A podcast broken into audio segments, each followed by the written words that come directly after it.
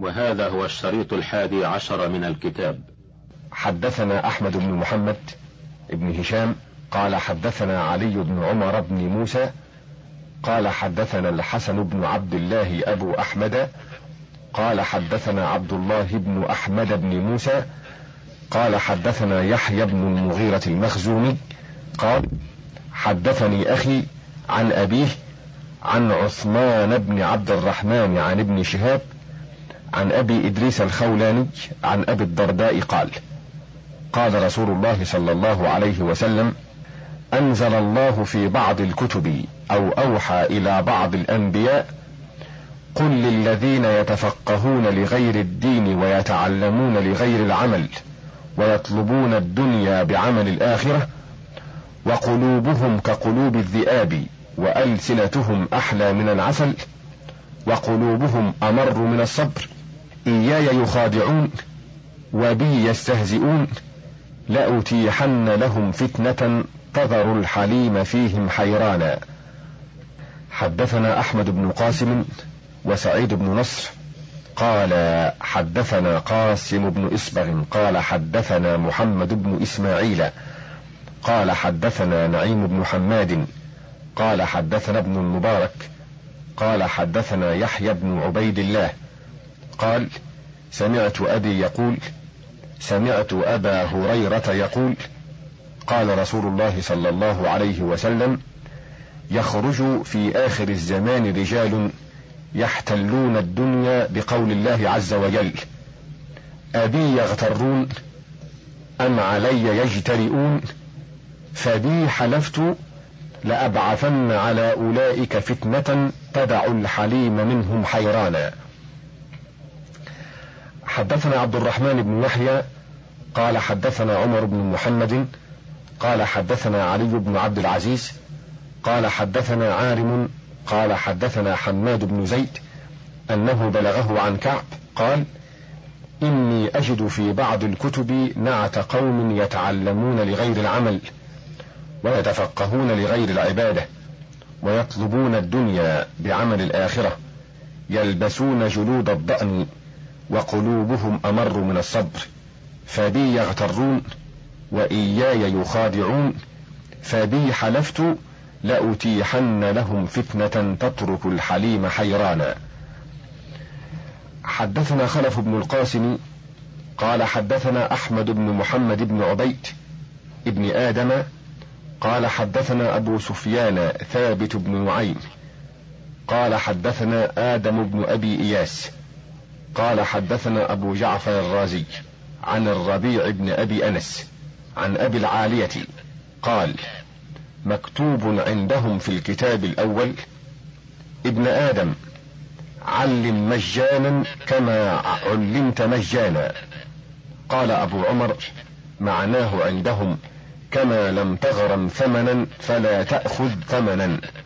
والمجان عندهم الذي لا يأخذ لعلمه ثمنا. حدثني أحمد بن محمد قال حدثنا أحمد بن الفضيل قال حدثنا محمد بن أحمد بن منير بمصر قال حدثنا عبد الله بن محمد البردي قال حدثنا سعيد بن منصور قال حدثنا فليح بن سليمان. عن أبي طوالة عبد الله بن عبد الرحمن بن معمر عن سعيد بن يسار عن أبي هريرة قال قال رسول الله صلى الله عليه وسلم من تعلم علما مما يبتغي به وجه الله لا يتعلمه إلا ليصيب به عرض الدنيا لم يجد عرف الجنة يوم القيامة يعني ريحها. وحدثنا عبد الرحمن بن يحيى قال حدثنا أحمد بن سعيد. قال حدثنا إسحاق بن إبراهيم بن نعمان. قال حدثنا محمد بن علي بن مروان. قال حدثنا سعيد بن منصور الخراساني بمكة. قال حدثنا فليح بن سليمان فذكره بإسناده سواء. حدثنا سعيد بن نصر. حدثنا قاسم. حدثنا ابن وضاح. حدثنا عبد الله حدثنا محمد بن بكر حدثنا أبو داود. قال حدثنا أبو بكر بن أبي شيبة. قال حدثنا سريج بن النعمان. قال حدثنا فليح فذكره بإسناده حرفا بحرف. وذكر ابن وهب عن أبي لهيعة عن أبي سليمان الخزاعي عن أبي طوالة بإسناده مثله. حدثنا عبد الرحمن حدثنا علي حدثنا أحمد حدثنا سحنون عن ابن وهب فذكره. حدثنا خلف بن القاسم قال حدثنا ابن السكن قال أخبرنا هارون بن عيسى قال أخبرنا محمد بن إسحاق الصاغاني قال أخبرنا يحيى بن أبي بكير قال سمعت حسن بن صالح يقول إنك لا تفقه حتى لا تبالي في يدي من كانت الدنيا. وحدثنا عبد الوارث قال أخبرنا قاسم بن إسبغ قال حدثنا علي بن معبد قال حدثنا عبد الغفار بن الحسن الضبي عن عبد الله بن أبي صالح قال عيسى يا معشر القراء والعلماء كيف تضلون بعد علمكم؟ أو تعمون بعد بصركم؟ من أجل دنيا دنية وشهوة ردية فلكم الويل عليها ولها الويل منكم. وأخبرنا خلف بن أحمد قال حدثنا أحمد بن سعيد بن حزم قال أخبرنا ابن الزراداح وأخبرنا أحمد بن سعيد بن بشر قال أخبرنا ابن أبي دليل قال أخبرنا ابن وضاح قال أخبرنا زهير بن عباد قال أخبرنا ابن المغيرة عن ابن لهيعة عن يزيد بن أبي حبيب قال سئل رسول الله صلى الله عليه وسلم عن الشهوة الخفية فقال هو الرجل يتعلم العلم يحب أن يجلس إليه.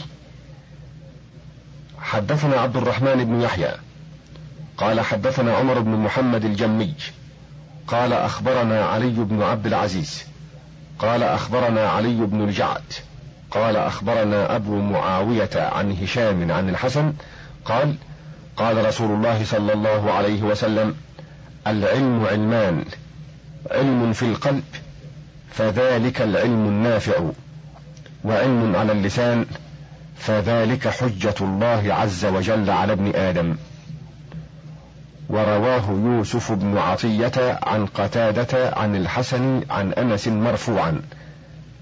حدثنا سلمة بن سعيد وعلي بن إبراهيم قال أخبرنا الحسن بن رشيق قال أخبرنا محمد بن أحمد بن حماد قال أخبرنا نصر بن علي قال أخبرنا أبو داود قال سمعت سفيان الثوري يقول إنما يطلب الحديث ليتقي به الله عز وجل فلذلك فضل على غيره من العلوم ولولا ذلك كان كسائر الأشياء. أخبرنا خلف بن القاسم قال أخبرنا الحسن بن رشيق قال أخبرنا محمد بن أحمد بن حماد الأنصاري قال أخبرنا سليمان بن عبد الجبار قال أخبرنا يعقوب بن إسحاق الحضرمي قال سمعت حماد بن سلمة يقول من طلب الحديث لغير الله مكر به. أخبرنا عبد الله بن محمد قال أخبرنا عثمان بن السماك قال أخبرنا إسحاق بن يعقوب العطار قال سمعت يحيى بن أبي أيوب حدثنا عبد الوارث قال حدثنا قاسم بن إسبغ قال حدثني أحمد بن زهير قال حدثنا يحيى بن أيوب قال سمعت ابن السماك قال مسعر من أراد الحديث للناس فليجتهد فإن بلاءهم شديد ومن أراده لنفسه فقد اكتفى. وكان شعبة حاضرا فقال هذا والله ينبغي أن يكتب. أخبرنا خلف بن القاسم قال أخبرنا أحمد بن صالح قال أخبرنا أحمد بن جعفر بن عبيد الله المنادي.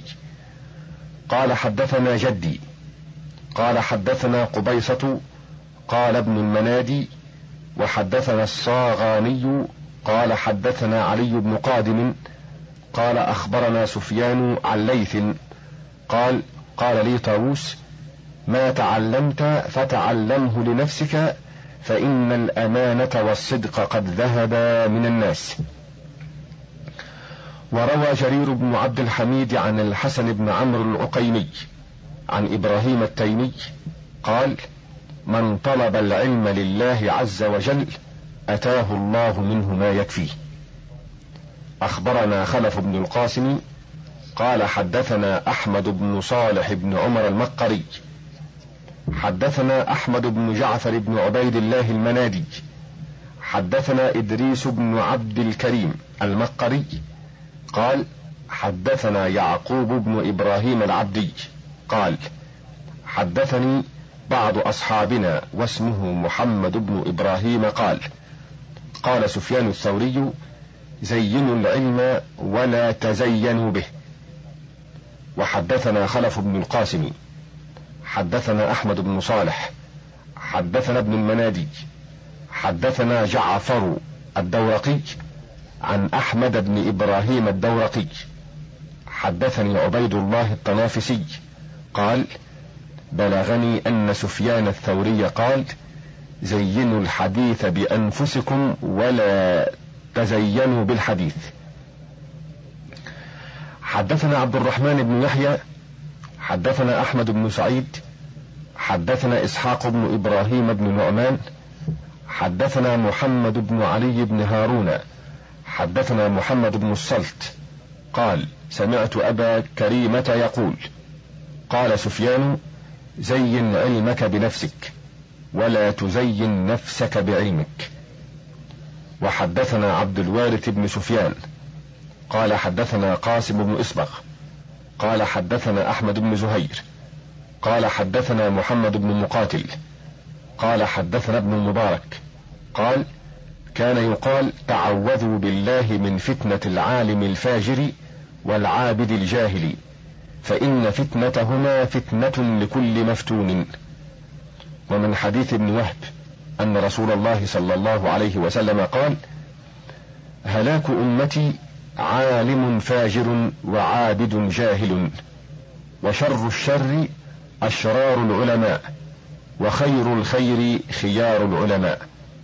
وروينا عن فضيل بن عياد وأسد بن الفرات قال بلغنا أن الفسقة من العلماء ومن حملة القرآن يبدأ بهم يوم القيامة قبل عبدة الأوثان.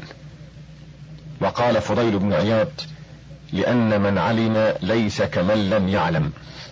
وقال الحسن من أفرط في حب الدنيا ذهب خوف الآخرة من قلبه ومن ازداد علما ثم ازداد على الدنيا حرصا لم يزدد من الله إلا بغضا ولم يزدد من الدنيا إلا بعدا.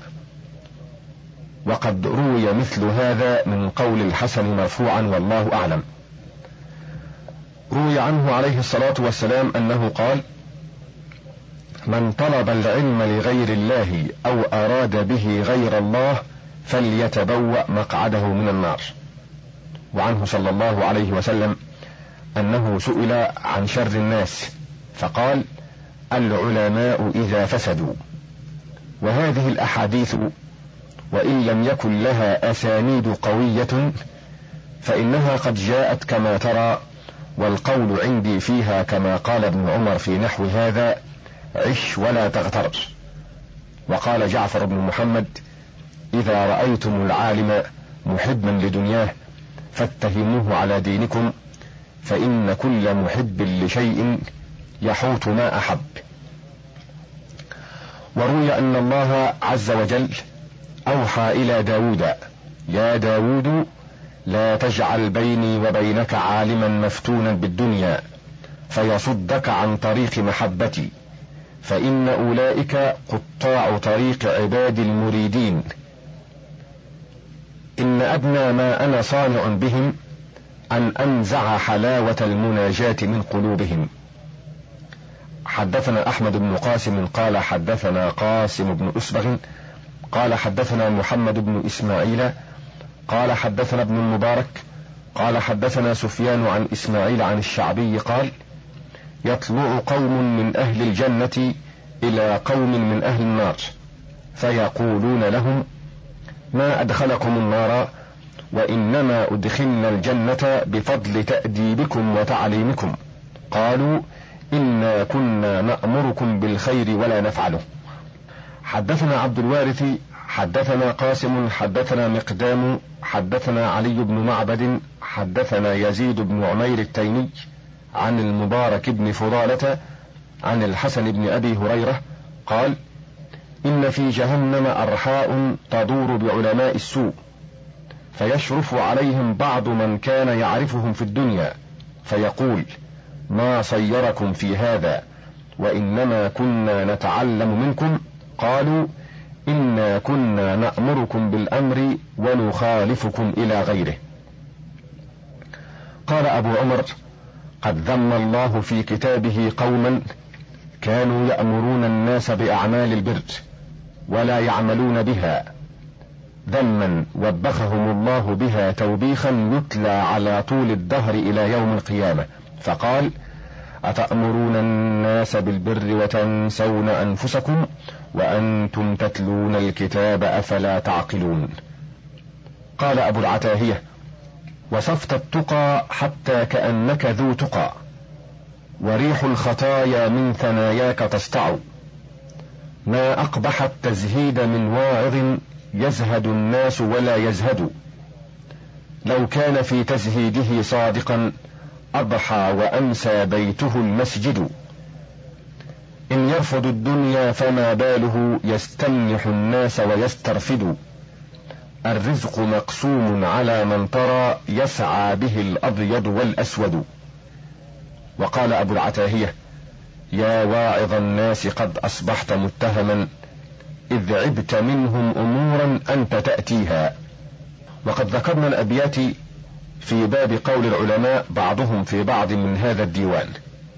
أخبرنا عبد الله بن محمد بن يوسف قال أخبرنا أحمد بن محمد بن إسماعيل قال أخبرنا محمد بن الحسن الأنصاري قال أخبرنا الزبير بن أبي بكر القاضي قال أخبرنا الحسين بن الحسن المروزي قال أخبرنا عبد الله بن المبارك قال أخبرنا يحيى بن أيوب عن عمارة بن غزية عن عبد الله بن عروة بن الزبير قال أشكو إلى الله عيبي ما لا أترك ونعتي ما لا آتي. وقال إنما يبكي بالدين للدنيا. ولأبي العتاهية يا ذا الذي يقرأ في كتبه ما أمر الله وما لا يعمل قد بين الرحمن مقت الذي يأمر بالحق ولا يفعل. من كان لا تشبه أفعاله أقواله فصمته أجمل. من عذل الناس فنفسي بما قد قارفت من ذنبها أعذل. إن الذي ينهى ويأتي الذي عنه نهى في الحكم لا يعدل. وراكب الذنب على جهله أعذر ممن كان لا يجهل. لا تخلطن ما يقبل الله من فعل بقول منك لا يقبل.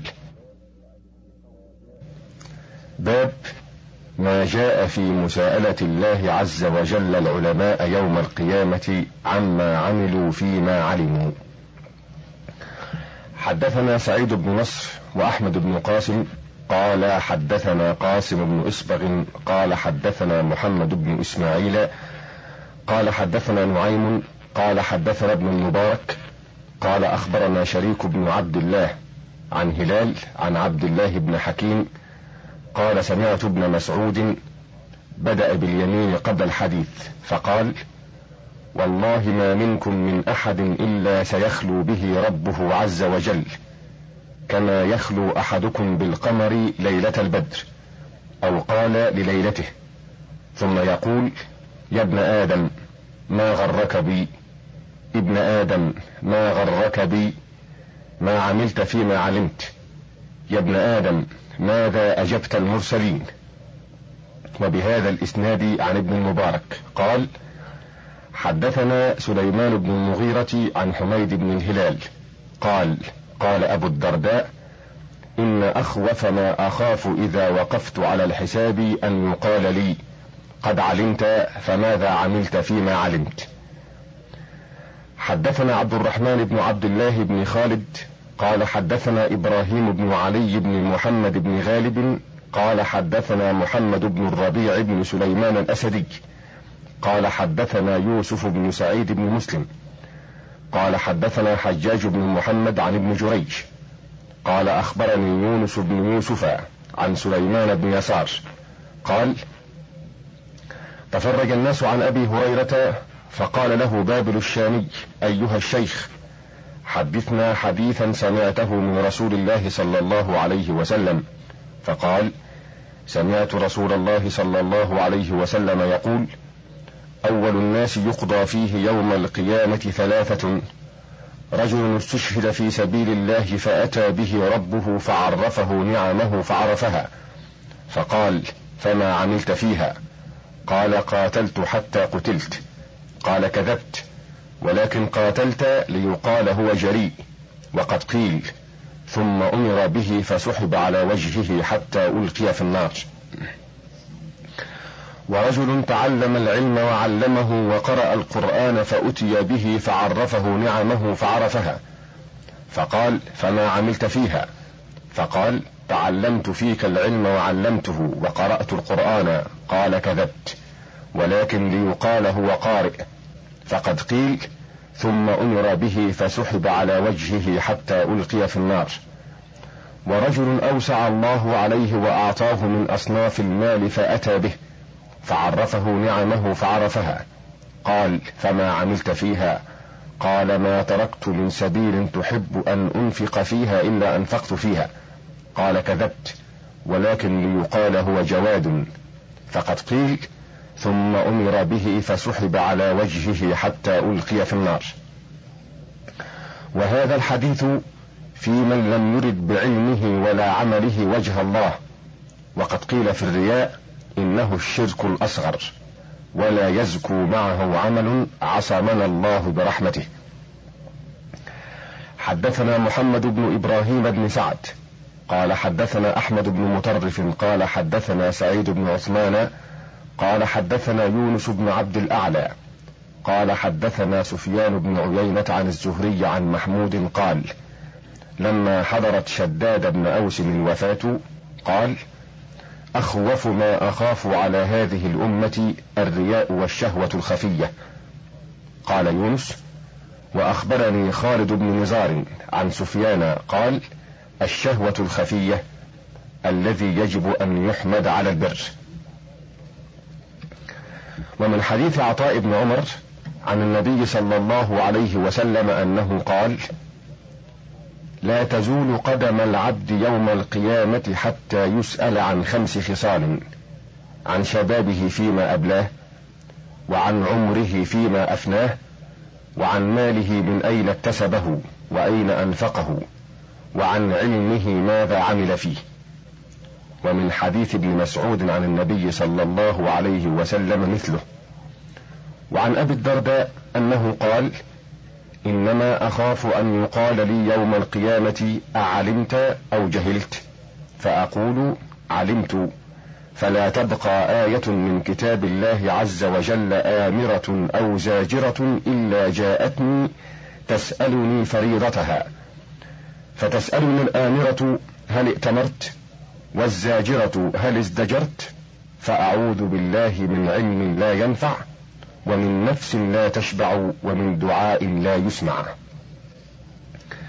حدثنا أحمد بن عبد الله بن محمد قال حدثني أبي قال حدثني عبد الله بن يونس قال حدثني بقي بن مخلد قال حدثنا أبو بكر بن أبي شيبة قال حدثنا عبد الرحمن بن محمد المجازي عن ليث عن عدي عن الصنابجي عن معاذ قال لا تزول قدم العبد يوم القيامة حتى يسأل عن أربع عن جسده فيما أبلاه وعن عمره فيما أفناه وعن ماله من أين اكتسبه وفيما أنفقه وعن علمه كيف عمل فيه. حدثنا عبد الوارث بن سفيان قال حدثنا قاسم بن أسمغ قال حدثنا قاسم بن زهير قال حدثنا يحيى بن يوسف قال سمعت أبا الأحوص سلام بن سليم يقول سمعت الثوري يقول وددت أني قرأت القرآن ثم وقفت وسمعته يقول وددت أني أفلت من هذا الأمر لا لي ولا علي. قال سفيان وما أدركت أحدا أرضاه إلا قال ذلك.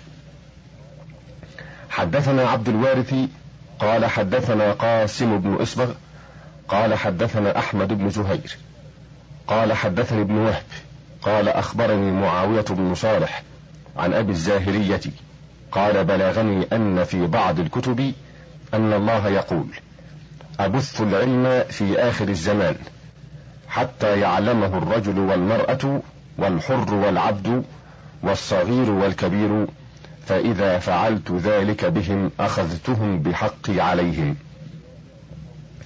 باب جامع القول في العمل بالعلم. أخبرنا أبو القاسم عبد الوارث بن سفيان قال حدثنا قاسم بن أسبغ قال حدثنا عبيد بن عبد الواحد بن شريك البزار قال حدثنا آدم بن أبي إياس العسقلاني. قال حدثنا إسماعيل بن عياش عن المطعم وهو أبو المقداد وعن بسة بن سعيد الكلاعي. قال قال رسول الله صلى الله عليه وسلم طوبى لمن تواضع في غير منقصة وذل في نفسه في غير مسكنة وأنفق مالا جمعه في غير معصية وخالط أهل الفقه والحكمة ورحم أهل الذل والمسكنة. طوبى لمن طاب نسبه وصلحت سريرته وكرمت علانيته وعزل عن الناس شره. طوبى لمن عمل بعلمه وأنفق الفضل من ماله وأمسك الفضل من قوله. أخبرنا عبد الوارث قال حدثنا قاسم قال حدثنا محمد بن يونس الكريمي قال حدثنا عبد الله بن داود الخريبي. قال حدثنا جعفر بن برقان عن ميمون بن مهران قال قال أبو الدرداء ويل لمن لا يعلم ولا يعمل مرة. وويل لمن لا يعلم ولا يعمل سبع مرات. وقال بعض الحكماء لولا العقل لم يكن علم ولولا العلم لم يكن عمل.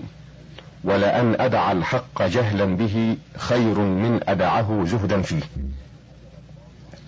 وقالوا من حجب الله عنه العلم عذبه على الجهل وأشد منه عذابا من أقبل عليه العلم فأدبر عنه ومن أهدى الله إليه علما فلم يعمل به. وقالوا قالت الحكمة ابن آدم إن التمستني وجدتني في حرفين. تعمل بغير ما تعلم وتدع شر ما تعلم. وروي عن ثور بن يزيد عن عبد العزيز بن ظبيان قال قال عيسى عليه السلام من علم وعمل وعلم فذلك يدعى عظيما في ملكوت السماوات أخذه بكر بن حماد فقال وإذا امرؤ عملت يداه بعلمه نودي عظيما في السماء مسودا. وهذا البيت في قصيدة له يرثي فيها أحمد بن حنبل ويقال إن في الإنجيل مكتوبا لا تطلبوا علم ما لم تعملوا حتى تعملوا بما علمتم. وقال عيسى عليه السلام للحواريين نحن أقول لكم إن قائل الحكمة وسامعها شريكان وأولاهما بها من حققها بعمله. يا بني إسرائيل ما يغني عن الأعمى معه نور الشمس وهو لا يبصرها وما يغني عن العالم كثرة العلم وهو لا يعمل به. وقال رجل لإبراهيم بن أدهم قال الله عز وجل ادعوني أستجب لكم فما لنا ندعو فلا يستجاب لنا. فقال إبراهيم من أجل خمسة أشياء. قال وما هي؟ قال عرفتم الله فلم تؤدوا حقه وقرأتم القرآن فلم تعملوا بما فيه وقلتم نحب الرسول وتركتم سنته وقلتم نلعن إبليس وأطعتموه والخامسة تركتم عيوبكم وأخذتم في عيوب الناس. وقال عبد الله بن مسعود إني لأحسب الرجل ينسى العلم بالخطيئة يعملها وإن العالم من يخشى الله. وتلا إنما يخشى الله من عباده العلماء. حدثنا محمد بن إبراهيم قال حدثنا أحمد بن مطرف قال حدثنا سعيد بن عثمان وسعيد بن حمير قال حدثنا يونس قال أخبرني سفيان عن خالد بن أبي كريمة عن عبد الله بن المسور قال جاء رجل إلى النبي صلى الله عليه وسلم فقال له أتيتك يا رسول الله لتعلمني من غرائب العلم؟ فقال له رسول الله صلى الله عليه وسلم ما صنعت في رأس العلم؟ قال وما رأس العلم؟ قال هل عرفت الرب؟ قال نعم. قال فما صنعت في حقه؟ قال ما شاء الله. قال هل عرفت الموت؟ قال نعم. قال فما أعددت له؟ قال ما شاء الله. قال اذهب فأحكم ما هنالك ثم تعال نعلمك من غرائب العلم. وقال الحسن البصري يبعث الله لهذا العلم أقواما يطلبونه ولا يطلبونه حسبة وليس لهم فيه نية. يبعثهم الله في طلبه كي لا يضيع العلم حتى لا يبقى عليه حجة. وروينا من حديث ابن عباس الدوري عن محمد بن بشر خارجة بن مصعب عن أسامة بن زيد عن أبي معن قال قال عمر لكعب ما يذهب العلم من قلوب العلماء بعد أن حفظوه ووعوه. فقال يذهبه الطمع وتطلب الحاجات إلى الناس. وعن أبي بن كعب قال تعلموا العلم واعملوا به ولا تتعلموه لتتجملوا به فإنه يوشك أن طال بكم زمان أن يتجمل بالعلم كما يتجمل الرجل بثوبه. حدثنا أحمد بن قاسم وسعيد بن نصر قال حدثنا قاسم قال حدثنا الترمذي قال حدثنا نعيم قال حدثنا ابن المبارك قال أخبرنا سعيد بن عبد العزيز عن يزيد بن يزيد بن جابر قال قال معاذ بن جبل اعلموا ما شئتم أن تعلموا فلن يأجركم الله بعلمه حتى تعملوا وعن مكحول عن عبد الرحمن بن غنم قال حدثني عشرة من أصحاب رسول الله صلى الله عليه وسلم قالوا كنا نتدارس العلم في مسجد قباء. إذ خرج علينا رسول الله صلى الله عليه وسلم فقال تعلموا ما شئتم أن تعلموا فلن يأجركم الله حتى تعملوا. وروي عن النبي صلى الله عليه وسلم مثل قول معاذ من رواية عباد بن عبد الصمد عن أنس وفيه زيادة أن العلماء همتهم الوعاية وأن السفهاء همتهم الرواية. وحدثنا عبد الوارث بن سفيان قال حدثنا قاسم بن إسبق قال حدثنا محمد بن الجهم قال حدثنا كامل بن طلحه قال حدثنا عباد بن عبد الصمد قال سمعت أنس بن مالك يقول تعلموا ما شئتم أن تعلموا فإن الله لا يأجركم على العلم حتى تعملوا به. إن العلماء همتهم الوعاية وإن السفهاء همتهم الرواية. هكذا حدثنا به موقوفا وهو أولى من رواية من رواه. حدثنا أحمد حدثنا قاسم حدثنا محمد حدثنا نعيم. قال حدثنا المبارك قال حدثنا إسماعيل بن أبي خالد عن عمران بن أبي الجعد. قال قال عبد الله بن مسعود. إن الناس أحسنوا القول كلهم فمن وافق فعله قوله فذلك الذي أصاب حظه ومن خالف قوله فعله فإنما يوبخ نفسه. وبه عن ابن المبارك قال أخبرنا معمر عن يحيى بن المختار عن الحسن قال اعتبروا الناس بأعمالهم ودعوا أقوالهم. فإن الله لم يدع قولا إلا جعل عليه دليلا من عمل يصدقه أو يكذبه. فإذا سمعت قولا حسنا فرويدا بصاحبه. فإن وافق قوله فعله فنعم ونعمة عين. وذكر مالك أنه بلغه عن القاسم بن محمد قال أدركت الناس وما يعجبهم القول. إنما يعجبهم العمل. وقال المأمون نحن إلى أن نوعظ بالأعمال أحوج منا أن نوعظ بالأقوال. وروي عن علي رضي الله عنه أنه قال يا حملة العلم اعملوا به فإنما العالم من علم ثم عمل ووافق علمه عمله. وسيكون أقوام يحملون العلم لا يجاوز تراقيهم تخالف سريرتهم علانيتهم ويخالف عملهم علمهم. يقعدون حلقا فيباهي بعضهم بعضا حتى أن الرجل ليغضب على جليسه أن يجلس إلى غيره ويدعه. أولئك لا تصعد أعمالهم في مجالسهم تلك إلى الله عز وجل. وعن ابن مسعود قال كونوا للعلم وعاه ولا تكونوا له رواة فإنه قد يرعوي ولا يروى. وذكر ابن وهبة عن معاوية بن صالح عن ضمرة بن حبيب عن أبي الدرداء قال لا تكون تقيا حتى تكون عالما ولا تكون بالعلم جميلا حتى تكون به عاملا. قال أبو عمر من قول أبي الدرداء هذا والله أعلم أخذ القائل قوله كيف هو متقي ولا يدري ما يتقي؟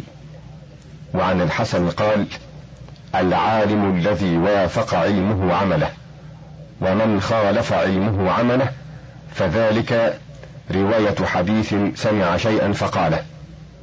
ويروى أن سفيان الثوري كان ينشد متمثلا وهي لسابق البربري في شعر له مطول إذا العلم لم تعمل به كان حجة عليك ولم تعذر بما أنت جاهله. فإن كنت قد أوتيت علما فإنما يصدق قول المرء ما هو فاعله. حدثنا عبد الوارث بن سفيان قال حدثنا قاسم بن أسبغ قال حدثنا أحمد بن زهير قال حدثنا عثمان بن زفر. قال سمعت أخي مزاحم بن زفر يذكر عن سفيان قال ما عملت عملا أخوف عندي من الحديث. قال مزاحم أو غيره عنه ولوددت أني قرأت القرآن وفرضت الفرائض ثم كنت من عرض أبي ثور. قال وحدثنا عثمان بن زفر.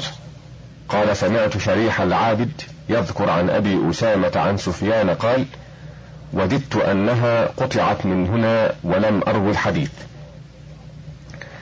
وحدثنا عبد الوارث قال حدثنا قاسم قال حدثنا أحمد بن زهير قال حدثنا الحكم بن موسى قال حدثنا يحيى بن حمزة عن عبد الرحمن بن يزيد بن جابر عن مكحول في قول الله عز وجل واجعلنا للمتقين إماما. قال أئمة في التقوى تقتدي بنا المتقون. وقال الثوري العلماء إذا علموا عملوا فإذا عملوا شغلوا فإذا شغلوا فقدوا فإذا فقدوا طلبوا فإذا طلبوا هربوا. وقال بشر بن الحارث إنما أنت متلدد تسمع وتحكي. إنما يراد من العلم العمل. اسمع وتعلم واعلم وعلم واهرب.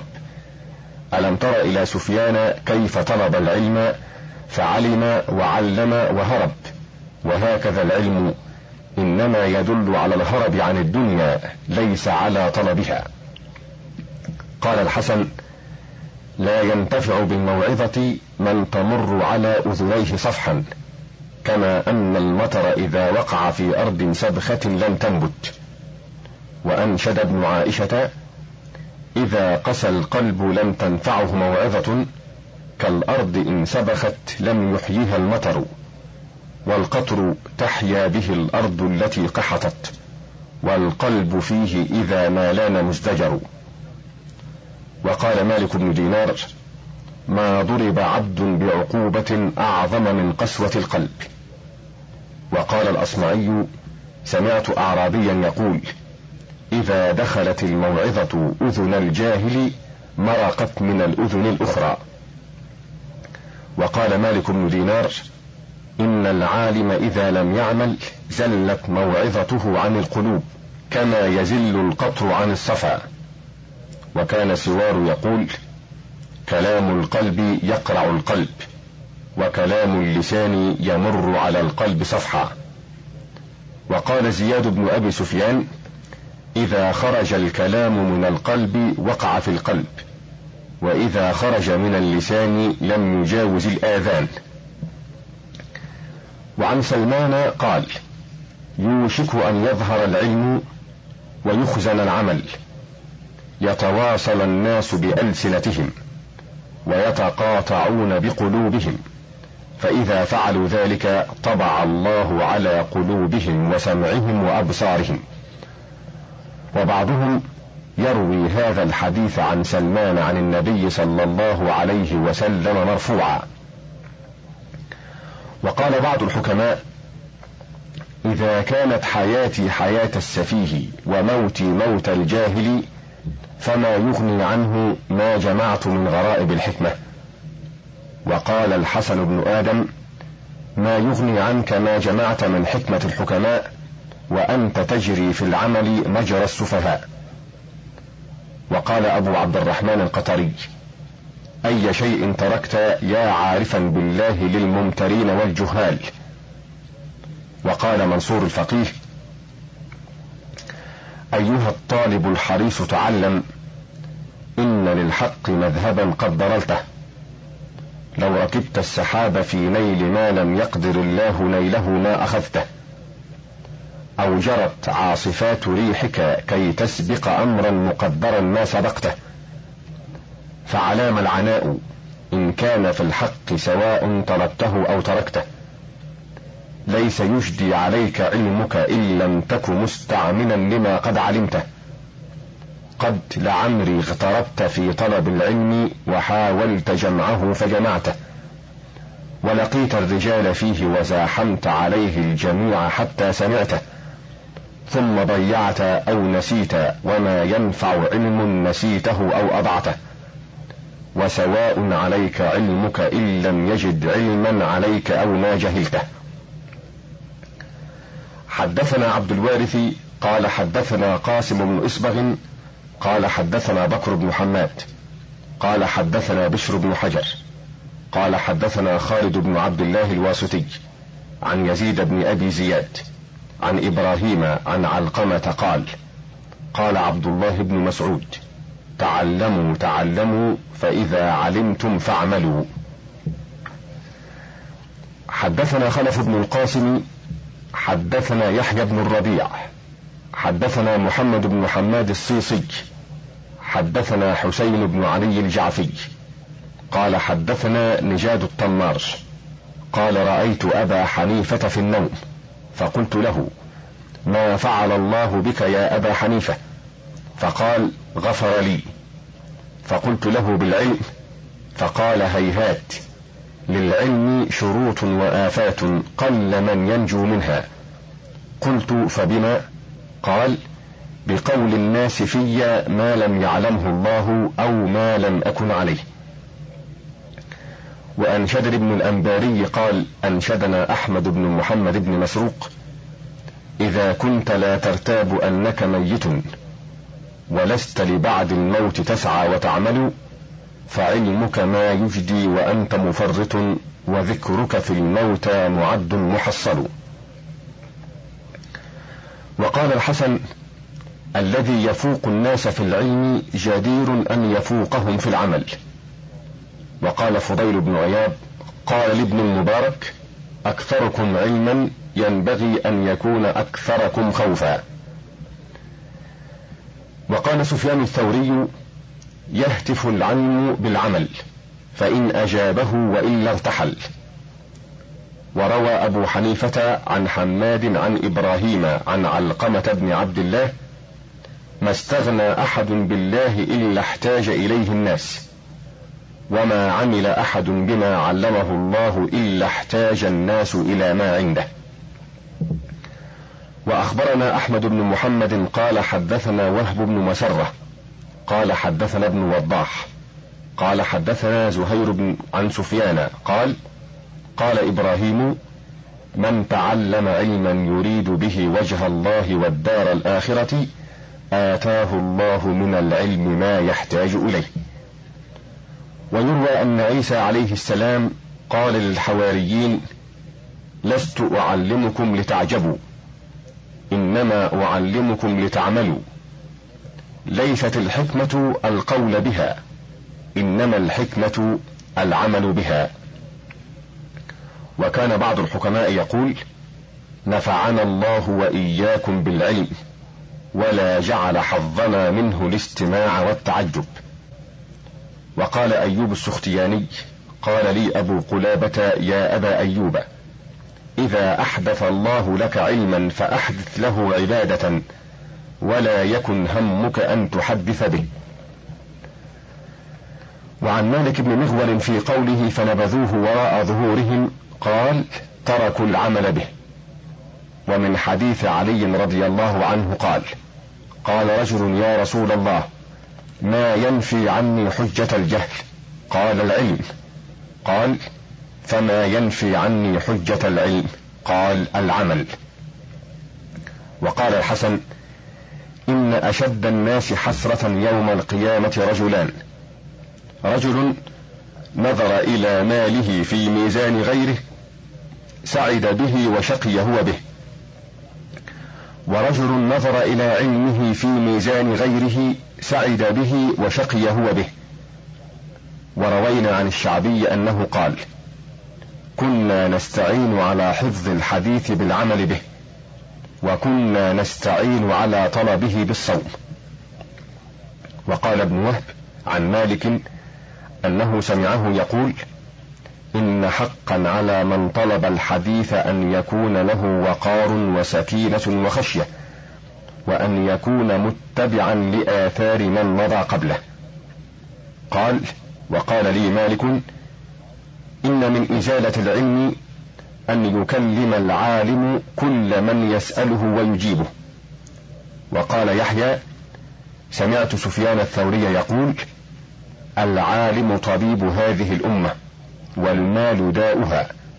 فإذا كان الطبيب يجر الداء إلى نفسه فكيف يعالج غيره؟ قال أبو عمر المال المذموم عند أهل العلم هو المطلوب من غير وجهه والمأخوذ من غير حله والآثار الواردة بذم المال نحو قول رسول الله صلى الله عليه وسلم الدينار والدرهم أهلكا من كان قبلكم وإنهما مهلكاكم ونحو قوله عليه الصلاة والسلام ما ذئبان جائعان أرسلا في حظيرة غنم بأفسد لها من حب المرء للمال والشرف وما كان في معناه من حديثه صلى الله عليه وسلم ونحو قول عمر بن الخطاب ما فتح الله الدينار والدرهم أو الذهب والفضة على قوم إلا سفكوا دماءهم وقطعوا أرحامهم ونحو هذا مما روي عنه وعن غيره من السلف في هذا المعنى.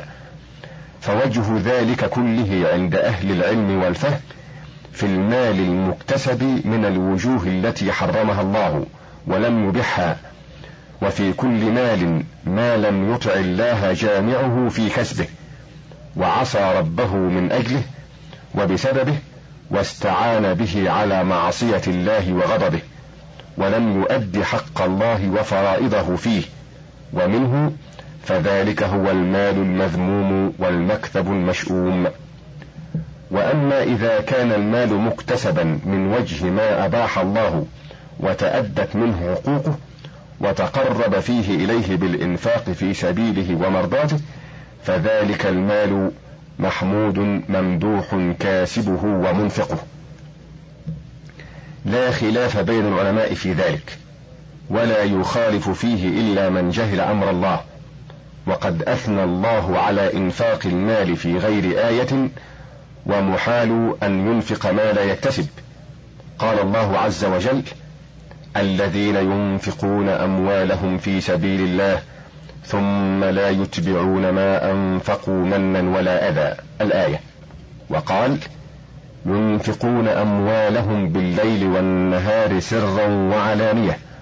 وقال لا يستوي منكم من أنفق من قبل الفتح وقاتل. وقال الذين آمنوا وهاجروا وجاهدوا بأموالهم وأنفسهم. الآية. وقال لن تنالوا البر حتى تنفقوا مما تحبون. وقال يمحق الله الربا ويربي الصدقات. وقال من ذا الذي يقرض الله قرضا حسنا فيضاعفه له. الآية وما في القرآن من هذا المعنى كثير جدا. وكذلك السنن الصحاح كلها تنطق بهذا المعنى. وهو الثابت عن الصحابة والتابعين وفقهاء المسلمين. قال صلى الله عليه وسلم كل معروف صدقة. وقال اليد العليا خير من اليد السفلى. واليد العليا المعطية والسفلى السائلة. وقال لسعد بن أبي وقاص لأن تدع ورثتك أغنياء. خير من أن تدعهم عالة يتكففون الناس. وإنك لن تنفق نفقة إلا أجرت فيها. الحديث. وقال صلى الله عليه وسلم أفضل درهم درهم تنفقه على عيالك. والآثار في هذا متواترة جدا. وقال أبو بكر الصديق لعائشة رضي الله عنها ما أحد من خلق الله أحب إلي إلى غنى بعدي منك ولا أعز على فقر بعدي منك. وكان رسول الله صلى الله عليه وسلم يدخر مما أفاء الله عليه من صفاياه قوت سنة ويجعل الباقي في الكراع والسلاح في سبيل الله. وهذه آثار مشهورة كرهت سياقتها بأسانيدها خشية التطويل. حدثني عبد الوارث بن سفيان قال حدثنا قاسم بن اسبغ قال حدثنا محمد بن عبد السلام الخشني قال حدثنا محمد بن بشار قال حدثنا محمد بن جعفر قال حدثنا شعبة قال سمعت قدادة يحدث عن مطرف بن عبد الله بن الشخير عن حكيم بن قيس أن أباه قال يا بني عليكم بالمال فإنه منبهة للكريم ويستغنى به عن اللئيم. وأخبرنا أحمد بن محمد بن أحمد. قال أخبرنا أحمد بن الفضل بن العباس قال حدثنا محمد بن جليل الطبري. قال حدثنا محمد بن المثنى ومحمد بن عبد الله بن صفوان. قال حدثنا عبد الرحمن بن مهدي. قال حدثنا شعبة عن قتادة قال سمعت مترفا يحدث عن حكيم بن قيس بن عاصم أن أباه حين حضرته الوفاة قال لبنيه يا بني عليكم بالمال واصطناعه فإنه منبهة للكريم ويستغنى به عن اللئيم. قال وحدثنا ابن المثنى قال حدثنا أبو داود قال حدثنا شعبة عن قتادة عن مطرف عن حكيم بن قيس عن أبيه مثله. حدثنا محمد بن إبراهيم حدثنا مطرف حدثنا سعيد بن عثمان وسعيد بن حمير وحدثنا يونس فذكره. وقال حدثنا أحمد بن حماد الدولابي. قال حدثنا سفيان عن عمر بن صالح بن إبراهيم. قال صالحنا امرأة عبد الرحمن بن عوف التي طلقها في مرضه على ثلاثة وثمانين ألفا. وحدثنا ابن البرقي قال حدثنا عمرو بن أبي سلمة قال سمعت الأوزاعي يحدث قال حدثني رجل عن مغيث عن كعب قال كان للزبير ألف مملوك يؤدون الخراج لم يكن يدخل بيته منها درهما. قال وحدثنا يعقوب بن إبراهيم قال حدثنا ابن علية قال حدثنا أيوب عن نافع أن ابنا لعمر باع ميراثه من ابن عمر بمئة ألف درهم. وحدثنا ابن بشار قال حدثنا عبيد الله بن عبد المجيد قال حدثنا قرة بن خالد قال سألنا الحسن أوصى عمر بن الخطاب بثلث ماله أربعين ألفا قال لا والله. لا ماله كان أيسر من أن يكون ثلثه أربعين ألفا ولكنه لعله أوصى بأربعين ألفا فأجازوها. قال وحدثنا إسماعيل بن سيف العجلي. قال حدثنا أبو بكر بن عياش عن الأعمش عن عاصم عن ذر قال مات عبد الله بن مسعود وترك سبعين ألف درهم. قال وحدثنا ابن بشار قال حدثنا يحيى وعبد الرحمن قال حدثنا سفيان عن يحيى بن سعيد عن سعيد بن المسيب قال لا خير في من لا يجمع المال يكف به وجهه ويؤدي أمانته. قال وحدثنا ابن بشار قال حدثنا يحيى وعبد الرحمن قال حدثنا سفيان عن يحيى بن سعيد عن سعيد بن المسيب أنه ترك أربعمائة دينار وقال إني والله ما تركتها إلا لأصون بها عرضي أو وجهي. قال وحدثنا ابن بشار قال حدثنا عبد الوهاب قال حدثنا أيوب عن أبي قلابة قال لا تضركم دنيا إذا شكرتموها لله. قال أيوب وكان أبو قلابة يقول لي يا أيوب الزم سوقك فإن الغنى من العافية. قال وحدثنا محمد بن عبد الله بن عبد الحكم. قال حدثنا أبو زرعة وهب الله بن راشد عن يونس قال قال ابن شهاب أخبرني سليمان بن عبد الملك أن عبد الرحمن بن هبيرة أخبره أن عبد الله بن عمر ركب الغابة فمر على ابن هبيرة وهو في بيته فقال ألا تركب معنا؟ فركبت معه حمارا. فسرنا. قال فسكت أحدث نفسي. قال عبد الله بن عمر ما لك؟ قلت سكت أتمنى. قال ابن عمر لو كان عندي أحد ذهبا أعلم عدده وأخرج زكاته ما كرهت ذلك. أو ما خشيت أن يضرني. حدثنا خلف بن القاسم حدثنا يعقوب بن المبارك بن أحمد الكوفي بمصر حدثنا الفضل بن جعفر بن همام البصري. حدثنا نصر بن علي الجهضمي. حدثنا أبو أحمد الزبيري. أخبرنا أبو جعفر الرازي عن الربيع بن أنس عن أنس بن مالك قال قال رسول الله صلى الله عليه وسلم من رزق الدنيا على الإخلاص لله وحده وعبادته لا شريك له وإقام الصلاة وإيتاء الزكاة مات والله عنه راضٍ. حدثنا خلف بن القاسم حدثنا محمد بن القاسم بن شعبان أخبرنا إبراهيم بن عثمان بن سعيد. حدثنا يحيى بن أبي طالب حدثنا يزيد بن هارون قال حدثنا يحيى بن عثمان قال حدثنا أيوب السختياني.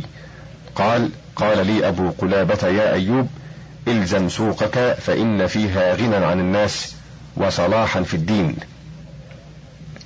وذكر أبو حازم الرازي قال كتب إلي عبد الله بن جبيق الأنطاكي قال سمعت يوسف بن أسباط قال قال لي أبو سفيان الثوري لأن أخلف عشرة آلاف درهم يحاسبني الله عليها أحب إلي من أن أحتاج إلى الناس. أخبرنا عبد الله بن محمد بن يوسف وعبد الرحمن بن مروان قال حدثنا أحمد بن محمد بن إسماعيل أبو بكر بن البنا بمصر. قال حدثنا محمد بن محمد بن بدر الباهلي. قال حدثنا سليمان بن داود بن أخي رشدين. قال حدثنا سعيد بن الجهم الجيزي قال جمع عبد الرحمن بن شريح وعمر بن الحارث الصف في المسجد فلما سلم الإمام قال ابن شريح لعمرو بن الحارث يا أبا أمية ما تقول في رجل ورث مالا حلالا فأراد أن يخرج من جميعه إلى الله زهدا في الدنيا ورغبة فيما عنده؟ قال لا يفعل. قال ابن شريح فقلت لعمرو سبحان الله لا يفعل لا يزهد في الدنيا. فقال عمرو بن الحارث ما أدب الله به نبيه صلى الله عليه وسلم أفضل من ذلك. قال الله تبارك وتعالى ولا تجعل يدك مغلولة إلى عنقك ولا تبسطها كل البسط فتقعد ملوما محسورا ولكن يقدم بعضا ويمسك بعضا. قال أبو عمر هذه الآثار كلها إنما أوردناها ها هنا لئلا يظن ظان جاهل بما يقرأ في هذا الباب أن طلب المال من وجهه للكفاف والاستغناء عن الناس هو طلب الدنيا المكروه الممنوع منه فإنه ليس كذلك. انتهى الوجه الثاني وللكتاب بقية على الشريط التالي.